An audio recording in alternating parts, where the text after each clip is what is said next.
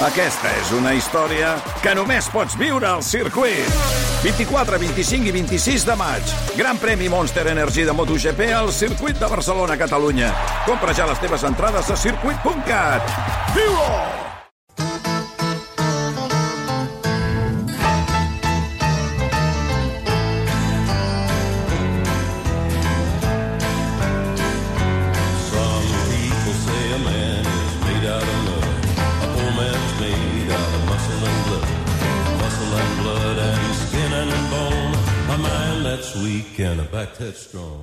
Sergi Pàmies, bona tarda. Bona tarda. Com estàs? Molt bé. Bé? Tingut feina a la tele, eh, aquests dies? No hem parat, no hem parat. Moltes hores, moltes mm, reflexions, molta documentar-se, parlar, Molt futbol, molt futbol... molts, molts incidents, molta rua. Molta rua. Ah, Començarem per la rua. Sí, comencem per la rua? Ah. Comencem per la rua perquè és lo- el peix més fresc que tenim. Tenim altres peixos, alguns ja podrits, però el, el peix més fresc és la rua, que és un gènere televisiu en evolució. Eh, ahir ja fèieu propostes eh, per donar-li més... Alguna interessant, va semblar, eh? Vull dir que aquí, des del Guillem Albà, però també el Josep Maria Fonalleres... Em... No, el Jordi Puntí em sembla que va dir que hi hagués una, un autobús de veteranos, de- d'exjugadors, que hi pogués haver doncs, Ronaldinho, Romario, etc. no? Sí, però fixa't que, que llavors es desvirtuaria el protagonisme, que és... Al final és un gènere que està condemnat a, que- a que els elements han de ser els equips, uh -huh. i perquè fixa't que la directiva mateixa ho cedeix tot el protagonisme al, als equips i als staffs. Molt a pesar del president, eh? Molt a Suposo pesar. que, que jo vaig veure en Joan Laporta, diguem, trist per no poder pujar a l'autocar, eh? Home, amb ell la festa estaria assegurada, es recuperarien els, les actituds i les conductes dels anys més gloriosos del, de la rua. Però a tu també sí, et va semblar que menys cervesa ahir, que, que hi, Sí. havia, hi havia molt menys alcohol? A veure, ara hi ha una cultura de la rua. És que, clar, això... això és com va com va. I quan comences una... les primeres vegades hi ha uns entusiasmes que se surten. Aquell discurs del Messi amb la barretina, borratxo perdut, al Camp Nou, ara seria impossible, perquè el mateix club ha après dels errors comesos o dels excessos comesos. No, no, no hi diguem error. La gent que va viure la primera vegada doncs sempre et dirà jo hi era. Eh, jo vaig anar al primer concert de Bruce Springsteen. Eh, eh. Aquests, Bueno. Interessa el primer i l'últim, diguem, Sí, no? L'últim i- també té... Llavors, com que en, en aquella petita porció de temps, perquè en el fons van ser dos o tres anys, van haver moltes rues, fins al punt que les vam avorrir i que les últimes ja eren es feien d'esma, ara hi ha hagut la sort de que... Bueno, la sort. La, la circumstància hi ha hagut quatre anys de sequera total de títols i s'ha pogut recuperar, sobretot per part del públic. Eh? Això es notava molt ahir. El tipus de públic era públic que, la, que quan el Barça va començar a tornar a perdre, tenia 10 anys. Públic majoritari de 10, 11, 12 nens. Vols dir que ahir tenien, què, 16, 17, Ara, ahir? Uh -huh. La majoria de gent que es veien ahir eren eh, germans petits del Gavi. D'acord? És a dir, el model, el model estètico-filosòfic de jugador admirat eren Pedri i Gavi, mm -hmm. amb aquells pentinats i aquella cosa. I la majoria de gent que els seguia de manera gairebé religiosa al costat del, dels autocars eren els seus, eh, com en deia el Puyal, d'allò, el, el, el programa aquell, els seus co... co... Els seus coetanis. Coetanis. Coetanis. Eren coetanis. Era gent de la més o menys... Veritat, eh, això, eh, referent, eh? Tom per la vida, hi havia un convidat i Sí. llavors hi havia tres persones assegudes en una taula, lateral, allà al costat, que donaven context perquè havien nascut i El viscut any. una mica la, la mateixa eh, biografia. Doncs els coetanis de la nova rua, o de la nova era de la rua, així com el, el Laporta sí que té les medalles de batalles anteriors, perquè és el general, els soldats hi, hi havia el, hi havia, era interessant, eh? perquè hi havia l'experiència que ja no pot manifestar-se amb la vehemència del jugador jove, que és Xavi. Uh -huh. Si Xavi en, el, en aquelles festes també actuava, i fins i tot Iniesta. Eh? Gent que, que després ja no els has vist mai més fora de si.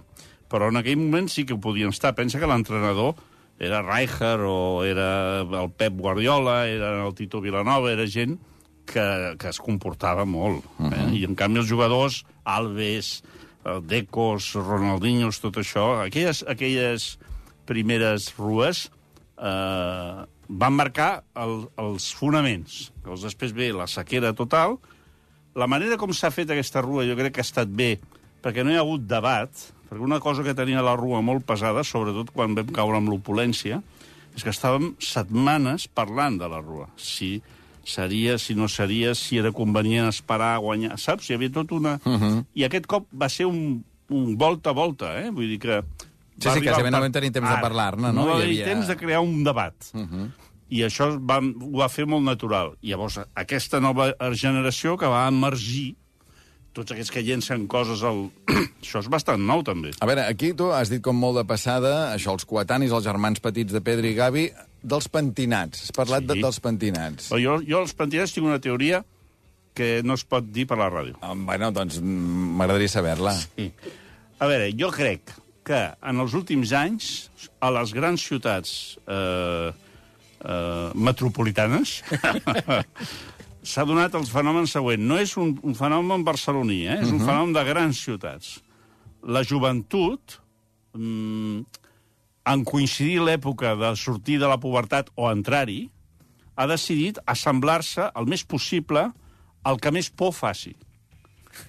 Llavors, la tribu urbana que més por fa és el quillo de polígon, que pot ser de, de múltiples menes, orígens i condicions, però que té un pentinat que es basa en que s'ho fa ell, o se'l fan entre ells, amb una màquina, es rapen la part de darrere i Ahà. es deixen la Els- part o de sigui, davant... Els, els costats rapat, Ara, per el, darrere el també. botifarrot, que coincideix, el pentinat quillo aquest popular, Eh? amb una sofisticació extraordinària del pentinat quillo deluxe, que és el dels futbolistes. És a dir, els, del, els futbolistes tenen uns perruquers en nòmina que es dediquen a mantenir-los tota aquesta arquitectura gairebé de disseny a les tempes, a, aquella ratlleta, tots aquells dibuixos. Però això és per... eh, Això val una pasta. I això és canvi- el quillo de lux, eh? Això és el quillo de luxe. Uh -huh. És a dir, és una estètica Sí. quilla, però de luxe. Uh -huh. I aleshores el, el populatxo el que ha de fer és crear-se una alternativa low cost, com ha passat en tots els fenòmens. Ahà.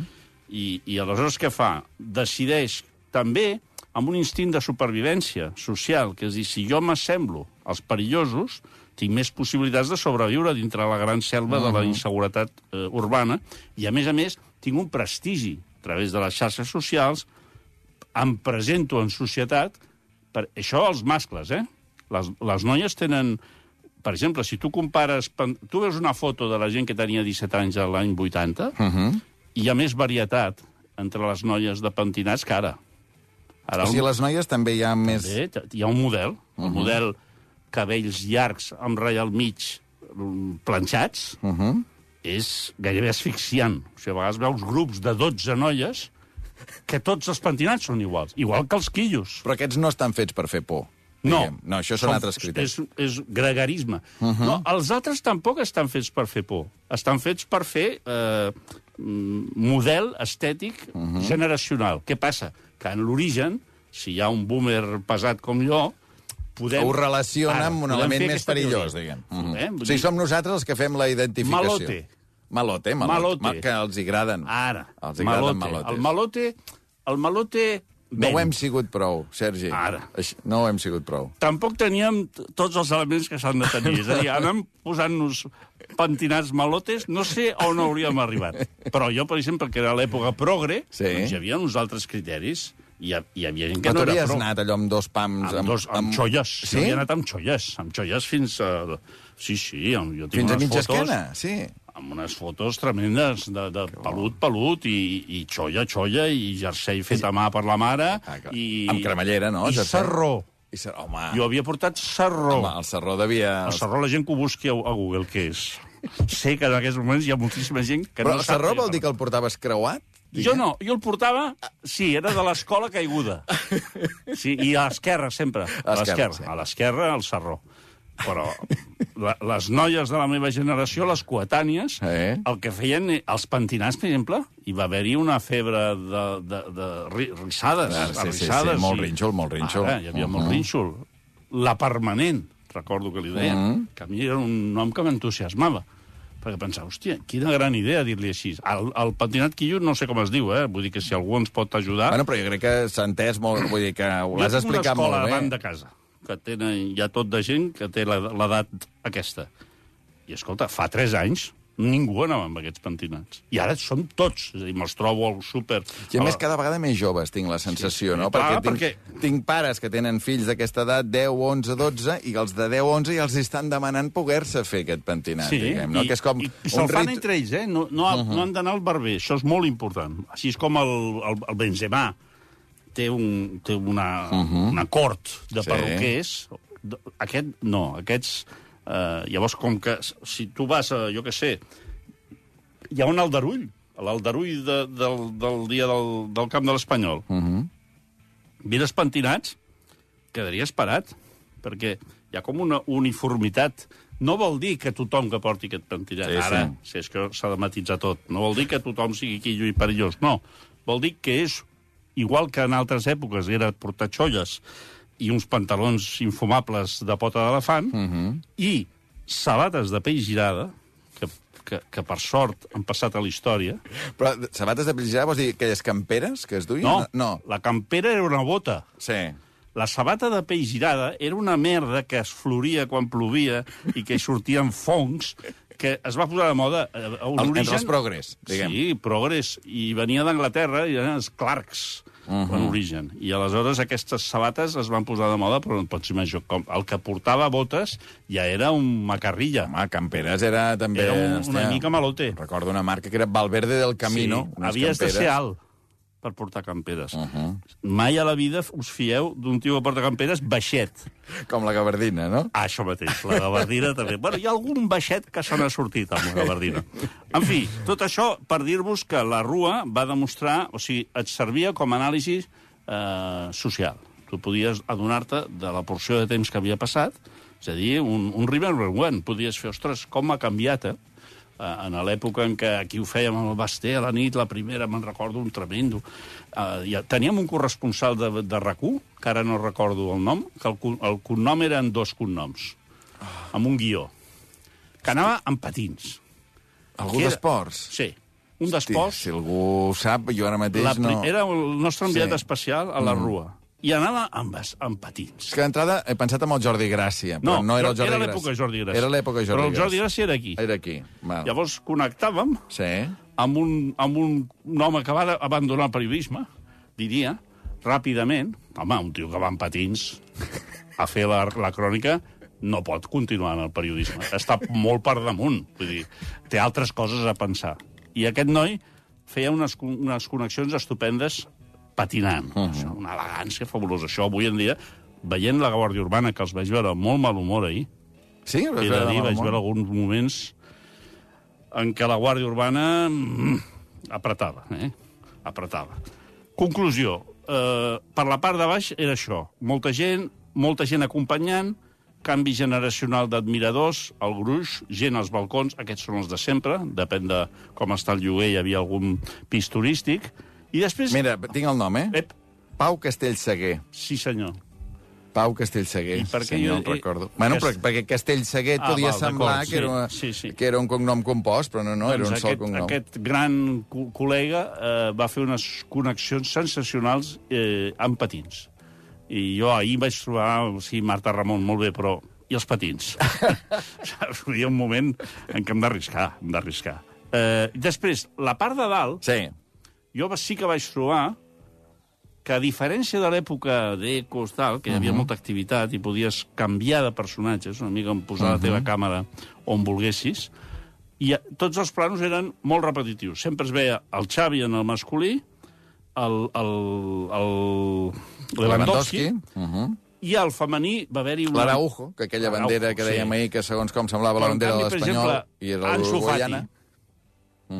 Va- vaig trobar a faltar uns planos d'Ansu Fati. Sí, al I- camp, al camp també passa, Clar, això, a també vegades, passa. no? Quan També és al veritat. camp també Potser- dius, trobes a potser hi havia faltar una proporció entre el protagonisme i en el femení la, la, la fotogènia Alexia. de l'Alexia era el principal tota l'estona. I, per tant, algunes de les seves companyes no, no vam sí, sí, tenir... ens a faltar, per exemple, Mapi León, no? Sí, que dius... que no, sé, no sé quina cara fa. No, eh, home, sí, jo sí, jo sí, perquè sí, jo, jo sí. les- t'he de dir que encara estic en fase de formació per tot Mhm. el tema femení.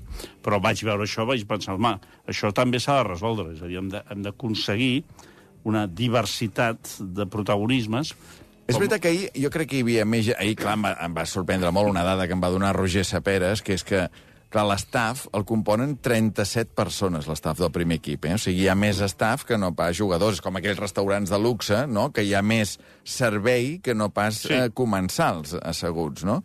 I, I, clar, llavors penses, a més a més, tu deies ara, el perruquer o els perruquers de Benzema, clar, si contessis l'estaf de cada jugador que té ell individualment, no? perquè, clar, cada jugador pot tenir el, el seu assessor sí. de premsa, el seu perruquer, el seu Això em psicò- recorda molt eh, que vaig sentir-lo explicar quan era petit, jo, eh, en el Félix Rodríguez de la Fuente, que explicava que era molt important que quan feies un documental sobre animals hi hagués un animal, però al voltant hi haguessin tot de paràsits que depenen d'aquest gran animal. Llavors, per exemple, el nyu, el nyu, que és un clàssic de, dels documentals sobre animals. Doncs el nyu és, és important. Uh -huh. Tens el nyu, l'enfoques, ara fa això, ara fa allò, però al damunt del nyu hi ha com un ocellot petit, merdós, que es dedica a treure-hi els polls. Llavors veus també les mosques. I no estic dient, No. lluny de la meva intenció, dir Que són que paràsits, l'estaf són mosques No. i paràsits No, no. però d'alguna manera sí, sí. contribueixen, Sí, contribueixen a un microclima i, i això es nota. Eh? Què volia dir? Que això va augmentant... I jo crec Sí. sí. que ahir estava més atapeït que mai, aquell autobús a dalt, hi havia menys marge de, de moviment, segurament. I llavors una cosa que avui li llegia no sé qui, ara no, no, no ho puc citar, però que crec que és cert que la part positiva és que estaven més pel públic. Altres anys s'ho feien més entre ells, no? Diguem, i estaven fent joc entre ells i no estaven tant per la gent I no que els havia anaven anat a veure. tajes. Exacte, sí, sí. És a dir, jo crec que el que ha canviat és el moment històric, i llavors ara som més professionals. Jo crec que va ser una rua impecable des del punt de vista professional. Van veure el Sense Ficció de fa uns dies, de l'alcohol, no? Segurament. Sí, i inclús jo, jo et diria que ara el club té un, un llibre d'estil. Cosa que aleshores no tenia i que era Àngels Castilla. I llavors ara hi ha un llibre d'estil que els hi deu dir, home, estem en una imatge pública, tal i qual. Això d'una banda. Anem, si et sembla, a la secció dins de la secció. Sisplau. Sì e no. Sì e no. Perché, perché, perché non ti decisi mai? Ens agafa una mica de passada, però com que continua, és el tema Sálvame. Home. El tema Sálvame, Sálvame, Oi, oi, oi, oi. per algú que s'hagi per algú que s'hagi que s'hagi acabat d'incorporar, Sálvame és un programa de Telecinco molt potent de les tardes des de fa 14 Explica-ho, anys. explica que hi ha molta gent que no sap de què... Fa 14 anys que funciona, Sí. sí. de, que va de les 4 a les 8, és un interminable, eh, en directe, en directe, rigorós directe, eh, cada tarda a Telecinco. Llavors han, han estat... Eh, Perdó, puc fer un parèntesi? Sí, Sí, rigorós directe. O sigui, Sí, aquest perdó. adjectiu, eh, en rigorós directe. rigorós directe, O sigui, sí senyor.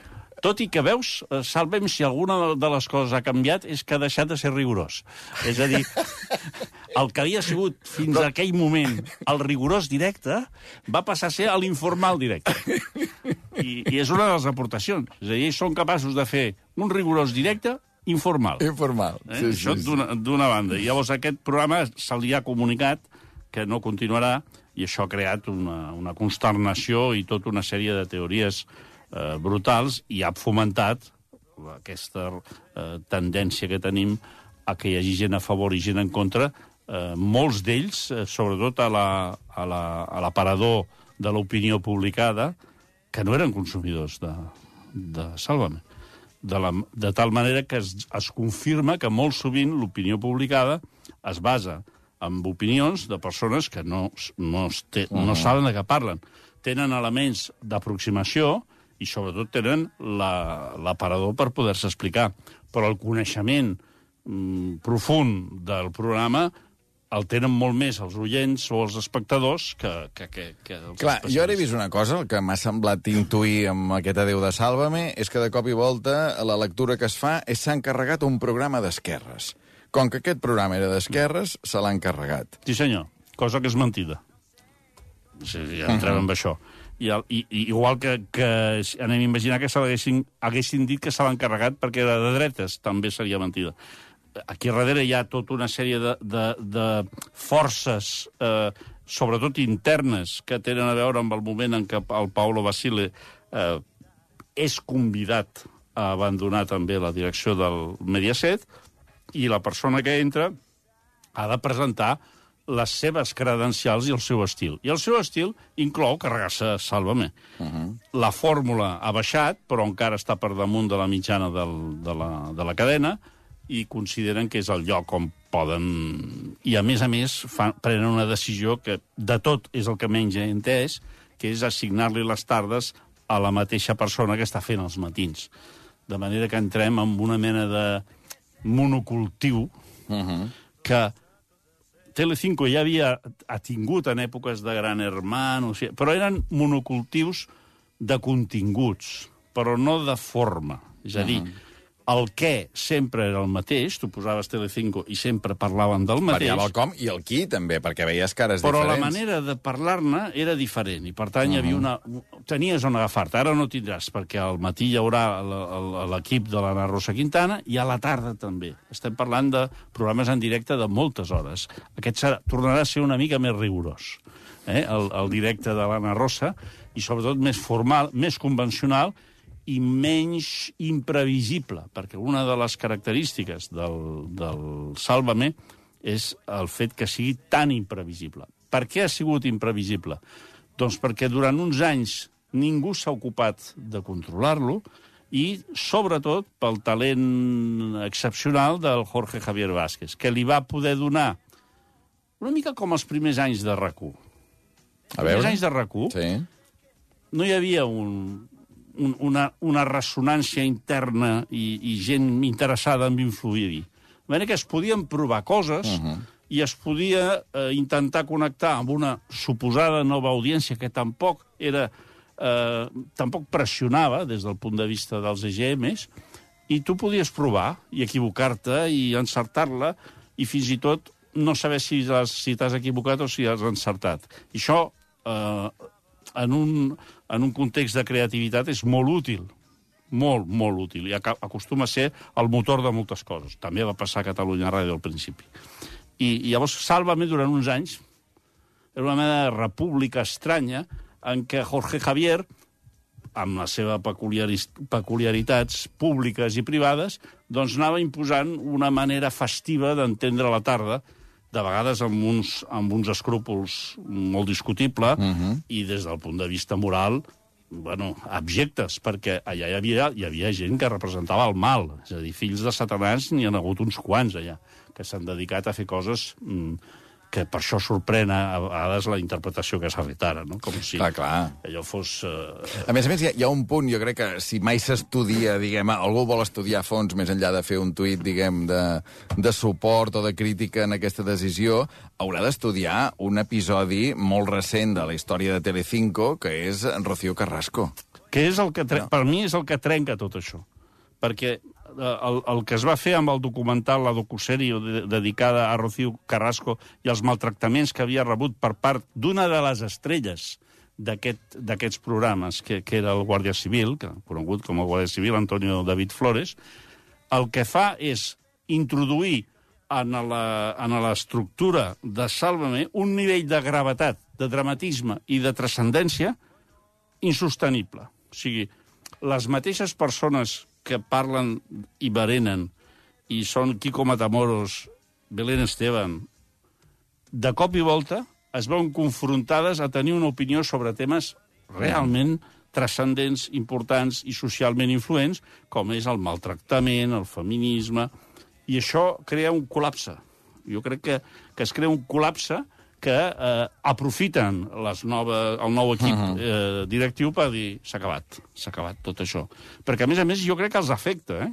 I han trigat molts mesos en recuperar la conya marinera que, Clar, que, clar, perquè que gastaven. portem no sé quants anys parlant de temes no gaire diferents, en molts casos, amb una frivolitat i una lleugeresa tremendes, i ara, de cop i volta, ens hem de posar... I és més, nosaltres hem creat la, la, la condició del canibalisme eh, recreatiu, és a dir, nosaltres ens mengem entre nosaltres perquè les grans estrelles no ens donen contingut. Mm. -hmm. Llavors jo el que faré és, aquesta setmana et menjaré tu una cama i tu després me'n menjaràs el fetge. Canibalisme recreatiu, es diu això. canibalisme recreatiu. I aleshores, de cop i volta, apareix el canibalisme de, de debò. Uh Mhm. -huh. És a dir, és un canibalisme social d'una dimensió molt més profunda i ells no saben com gestionar-ho. I ara estan vivint de, de, del final, no? Estan Ara, vivint de... ara estan creant... Cada dia que és un estan buscant contingut- feina. Ara estan fent una cosa molt intel·ligent, que és aprofitar aquestes setmanes que els queden uh Mhm. -huh. per, d'alguna manera, eh, protestar tímidament eh, sobre la seva situació, però reflexionar també sobre el que passa quan un, un programa s'acaba d'aquesta manera, perquè, clar, hi ha mil maneres, no? I, i per tant, aquesta... Llavors, això ha provocat, una altra vegada, com si no fos possible que en 14 anys tinguéssim una capacitat analítica, crítica, de dir, home, han passat coses molt bones, han passat coses molt dolentes, i per tant, no és el model de res. El que sí és, és important, uh -huh. perquè aquesta cosa de convertir el rigorós directe en un directe informal ha creat coses eh, eh, a nivell escenogràfic de, de funcionament d'un plató en directe absolutament novedoses. La presència del director, els viatges al lavabo, ara entro, ara surto, ara breno, ara no breno, eh, passo davant de la càmera... Eh, totes aquestes coses que... Coses que s'han aplicat fins i tot amb altres tipus de... Sí, de no, sense, sense salvament no hi ha xiringuito, mm -hmm. per exemple. Sense salvament no hi ha xiringuito. Un nivell d'estridència i de maldat I, I també, mira, ara, potser també és un precursor de Twitch, eh, Sàlvame, amb el sentit d'aquella cosa que Twitch, jo quan els veig que és... Escolta, estarem junts no sé quantes hores, anirem, eh, aniran passant coses, però aniran passant coses d'aquella manera, i el més important és que berenarem junts, que anirà passant el temps... Probablement. Jo t'he de dir que a Twitch no puc opinar perquè no he vist mai res, uh -huh. perquè es necessita una tecnologia que no, que no hi tinc, i perquè un dia li vaig sentir explicar el, el, el Piqué, abans de que es posés molt de moda, i ens va dir, a mi el Basté, que estàvem junts, ens va explicar, no, però això de Twitch és fabulós. Pensa que... Llavors parlava d'una cosa que havia passat el dia anterior. Diu que ahir vam tenir 300.000 persones connectades durant 9 hores. Uh -huh. I aquí jo vaig pensar, a veure, Pàmies... a veure, a veure, anem a imaginar una marató de les tres pel·lícules del Padrino, obra mestra. Eh, has d'aturar-te, has d'anar a sopar, has de fer pauses. Llavors vaig pensar, quina vida, quin tipus de perfil eh, Quin, a quin existencial... submón t'estan demanant Ara. entrar ara? És a dir, que la teva vida inclogui la possibilitat d'estar 9 hores. A més, era una collonada. No és allò que diguessis, no, no, anem a fer una cosa absolutament... Eh, no, no era l'arribada de l'home a la lluna. Era, era una cosa xunga, xunga. I em va dir, no, pensa que això és el futur, perquè la gent està 9 hores, 7 hores, 8 hores... I un altre cop vaig sentir el Gerard Romero explicar les hores que treballava. I també vaig pensar, si aquest és el model, Marx ha fracassat. és a dir, la lluita de classes ha fracassat totalment. Si la gent a casa ha d'estar 9 hores seguint un Twitch i, I tu n'has el Gerard 18 Romero ha de treballar ca- 18 hores Sí, sí. i no tenir vacances durant 5 anys, crec que no anem bé. Ai, Sergi, ens queda res, un minut, eh, alguna cosa d'avui, perquè he vist que Pedri va a l'Hormiguero, eh? Per si algú li queda una mica de- d'allò Sí, que home, dius... doncs, Escolta'm... clar, sí que es eh, fixi amb el, el, amb el pentinat. I després hi ha un cachitos de hierro i cromo de futbol, perquè, clar... Ah, mira. Uh, cachitos eh, és, és com Ikea, no s'acaba mai. Vull dir que... De què, què vol vostè? Què necessita? Una cadena pel vàter. Mira, aquesta setmana potser pot haver el campió de Lliga, demà hi ha aquest partidàs, Ara. aquest, aquest I jo crec City-Madrid. que buscaran coses que suposo que sortiran les famoses cançons aquelles dels anys 50 del futbol Mhm. i, i bé, los domingos por la tarde Sí, aquella, eh, una domingos por la tarde, la mayor, no? Són coetanis d'una època rigorosament oblidable. D'un temps d'un país. Uh, Sergi Pàmies, et deixo que si has d'anar al barber... Sí, eh, no? ara mateix Per em vaig a fer un pentinat xungo. Un pentinat d'aquests xungos i la vida ens anirà millor.